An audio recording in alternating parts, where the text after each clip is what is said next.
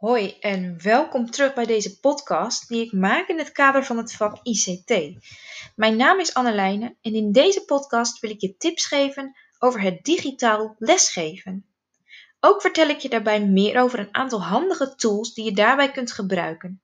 Ik hoop dat je hier wat aan hebt en dat je plezier hebt in het luisteren van deze aflevering.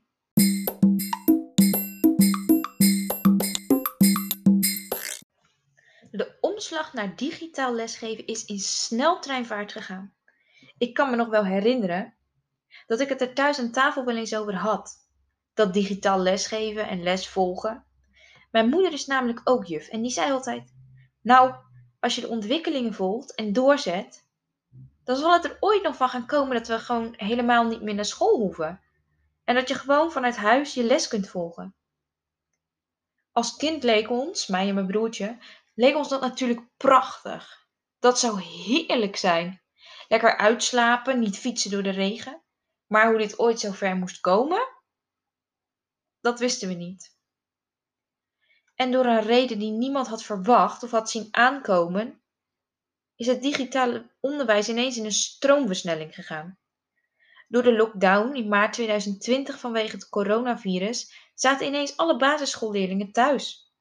En kreeg jij als leerkracht ineens de taak om al deze leerlingen op afstand aan het werk te houden. Want ja, het was wel fijn als ze ook nog iets deden en leerden. De ontwikkelingen gingen snel en spoedig werd er gebruik gemaakt van digitale leeromgevingen zoals Teams en Google Meet. Maar ook leeromgevingen zoals Ginzy en Snapchat werden goed gebruikt om de leerlingen hun werk te laten doen. Doordat dit online was, kon jij als leerkracht in deze online omgeving ook zien hoe jouw leerlingen het hadden gedaan en waar er nog werk aan de winkel was. Chatprogramma's werden ingezet en leerlingen stuurden de grappigste dingen via de chat. Zo stuurde een van mijn stageleerlingen mij: Juf, je microfoon staat niet aan. En dan was het woord microfoon geschreven zoals je het zegt. Gewoon precies geschreven zoals je het zegt. Nou, dat zorgde wel even voor een grote glimlach op mijn gezicht. Na de lockdown van de afgelopen periode tot half januari 2021 mochten de basisschoolleerlingen gelukkig weer naar school. Maar het is natuurlijk niet uitgesloten dat er zich nog eens een lockdown zal voordoen. Daarom wil ik je een aantal tips meegeven. Tips voor hoe je het online onderwijs goed of als je het al gebruikt hebt, beter zou kunnen vormgeven. En ook zal ik je een paar tools vertellen.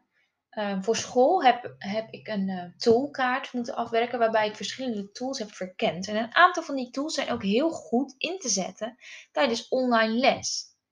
Hier zou ik je graag op willen attenderen. Misschien krijg je er ideeën van voor jouw online onderwijs. Als eerste tip zou ik willen geven: zorg dat je het programma waar je mee werkt goed kent voordat je een les gaat geven.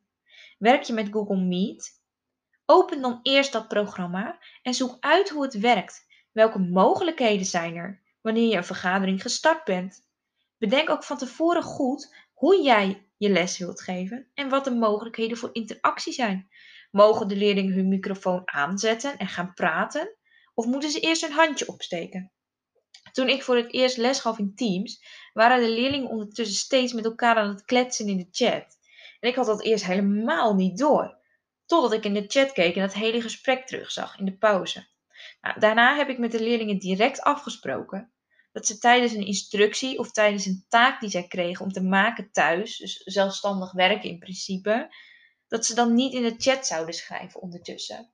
Want dan hebben ze niet hun volledige aandacht bij de les, zijn ze met andere leerlingen bezig en je kunt dan ook niet volgen wat er in die chat gebeurt en vragen die ze aan jou of aan anderen stellen, kun je dan ook niet beantwoorden. Dus we hebben toen afgesproken, als je een vraag hebt, steek je je handje op en je praat niet in de chat. Uh, mijn tweede tip is, leg de leerlingen uit hoe het programma werkt. Voordat je voor de eerste keer een les gaat geven. Als je bijvoorbeeld meerdere keren Teams gebruikt, zullen leerlingen weten hoe Teams werkt. Hoef je natuurlijk niet elke keer uit te leggen. Al is het soms ook niet verkeerd voor leerlingen om de regels omtrent microfoons, camera's, handjes opsteken nog eens een keer te herhalen. Vooral het niet chatten in de, in de chat is wel, een, uh, is wel eentje die ze vaak vergeten. Tenminste bij mij. vonden ze heel erg leuk.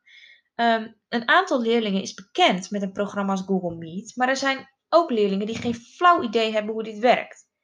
En van wie ook de ouders geen hulp kunnen geven in dergelijke programma's.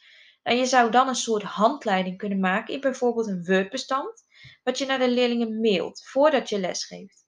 Ook kun je aan het begin van de eerste les even een uitleg geven. Zo van: Jongens, bovenin staat het microfoontje. Als die uit is, staat er een schuine streep door.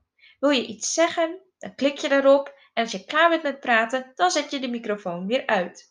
Wanneer de leerlingen weten hoe het programma werkt, verloopt je les een stuk soepeler. Mijn derde tip is: laat alle leerlingen hun camera aanzetten. Op deze manier heb jij hen in beeld. Waarschijnlijk heb je maar een aantal in beeld, meestal zijn het er 9 of 12, maar de leerlingen zien natuurlijk niet wie jij voor je hebt.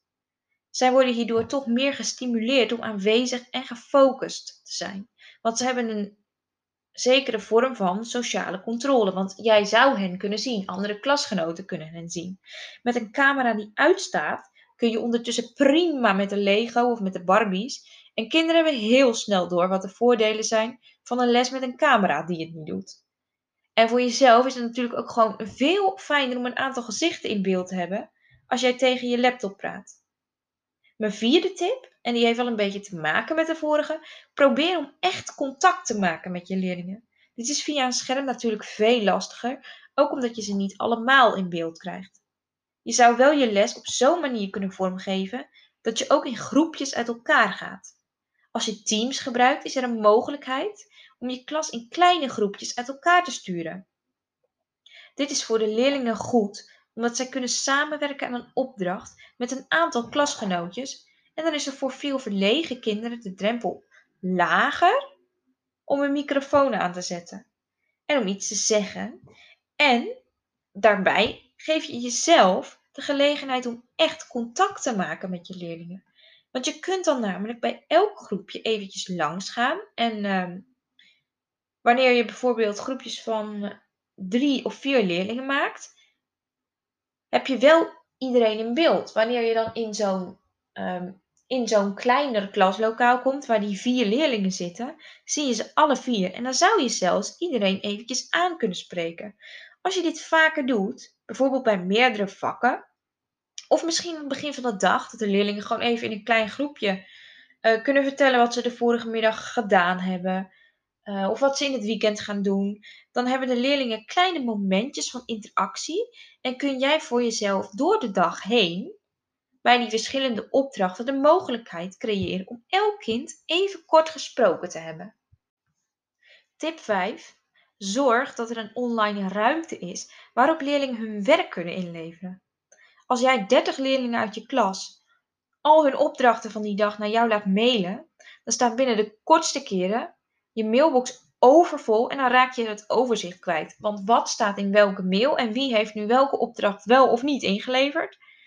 In Meet, maar ook in Teams, zijn er bijvoorbeeld mogelijkheden om mappen aan te maken waarin je je bestanden kunt opslaan. Alle deelnemers van de vergadering kunnen hier iets in uploaden. Op die manier kun jij alle opdrachten van je leerlingen bij elkaar verzamelen. En ook hebben veel scholen een online leeromgeving waarin een mogelijkheid bestaat om opdrachten in te leveren. Wil je het werk niet in een digitale leeromgeving hebben staan, dan kun je ook in Dropbox of OneDrive een mogelijkheid aanmaken om online werk op te slaan en te delen met anderen. En dat is nog wel leuk, in OneDrive kun je ook werken in een gezamenlijk document. Misschien niet altijd even handig voor schoolopdrachten met jongere basisschoolkinderen, maar het is wel heel gezellig om een document aan te maken waarin kinderen bijvoorbeeld foto's kunnen plaatsen of een lief berichtje schrijven voor hun klasgenoten. Wanneer er dan een klasgenootje verdrietig is, doordat hij of zij de andere klasgenootjes niet op school kan ontmoeten, dan staat er toch heel veel liefs in zo'n gezamenlijk document. Kunnen ze daar doorheen scrollen, er zelf iets in plaatsen. Dan heb je toch iets gezamenlijks van je klas. Kijk eens naar de mogelijkheden. Zo'n online uh, opslagplaats voor werk, dat bespaart jou een onoverzichtelijke, overvolle mailbox en dat geeft de leerlingen ook duidelijkheid in waar zij hun gemaakte werk kunnen opslaan. Mijn laatste tip: hou de leerlingen gemotiveerd. Hou enige vorm van actie en interactie in je lessen.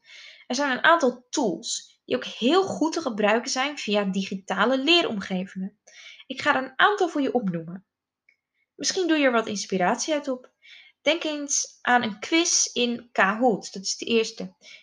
Die kan dus ook gespeeld worden via bijvoorbeeld Teams. Waarschijnlijk heb je die in je klas al wel eens gebruikt, want hij is heel erg populair de laatste tijd. Maar hij kan dus ook online. De leerlingen gebruiken dan bij voorkeur een andere computer, een tablet of een telefoon. Ja, tegenwoordig hebben de meeste leerlingen uit de bovenbouw wel een telefoon. Normaal gesproken vind ik daar weinig voordelen aan hangen. Maar in deze situatie zijn er toch wel voordelen te bedenken van die telefoon. Die leerlingen volgen dan via jouw scherm wat je deelt, via Teams of via Meet, uh, de vraagstelling van de quiz. En um, dan kunnen ze op hun eigen telefoon um, het antwoord geven door het juiste antwoord aan te klikken. En jij krijgt dat dan in beeld, maar de leerlingen zien dus ook via jouw gedeelde scherm um, de ranking in beeld komen. Um, en dan kunnen ze dus zien of ze op het podium staan, hoeveel punten ze hebben. ja, heel leuk. En door die ranking zien ze ook nog weer de namen van hun klasgenootjes langskomen. En hebben ze een soort competitie en zijn ze ook gemotiveerd om nou ja, mee te doen. En ook is de app Padlet heel leuk om te gebruiken. Hierin kun je dus een, een Padlet aanmaken. Dat is een soort prikbord waarop je verschillende vakjes met tekst en plaatjes kunt plaatsen. Het geven van lessen via de laptop vraagt natuurlijk enige creativiteit, maar je zou bijvoorbeeld met leerlingen een bepaald onderwerp kunnen uitdiepen. Stel, je werkt over de dierentuin. Je verdeelt verschillende dieren over de verschillende kinderen en dan geef je hen de opdracht om over hun specifieke dier in een bepaalde tijd uh, informatie te zoeken en er een plaatje bij te plakken. En uh, om dit dan bij elkaar in die Padlet die jij hebt aangemaakt over de dierentuin te plaatsen. Uiteindelijk krijg je dan een heel groot prikbord met een overzicht van alle dieren. En elk kind heeft dan bijgedragen en zijn of haar dier op de Padlet gezet. En uh, dan kunnen de leerlingen dus ook het werk van hun klasgenootjes zien. Je hebt dan iets gezamenlijks gemaakt, terwijl je eigenlijk niet gezamenlijk met elkaar in het klaslokaal aanwezig bent, maar je bent toch als klas bezig om iets te maken. En het heeft ook een didactisch doel, want het dient gewoon het doel van je les. En daarnaast zijn de leerlingen ook bezig om hun ICT-basisvaardigheden te ontwikkelen. Natuurlijk kun je een Padlet ook gebruiken, zoals ik net zei, in het OneDrive-bestand, wat je met elkaar kunt maken. Maar je kunt ook een Padlet gebruiken um, als plaats om um, waar leerlingen nieuwtjes en leuke foto's of berichtjes van klasgenootjes kunnen plaatsen. Uh, er zijn dus verschillende manieren om zo'n Padlet te gebruiken, maar hij is zeker een aanrader. Daarnaast kun je ook video's of vlogs maken voor jouw leerlingen. Soms is het handig om een kort maar bondige uitleg via een video te versturen.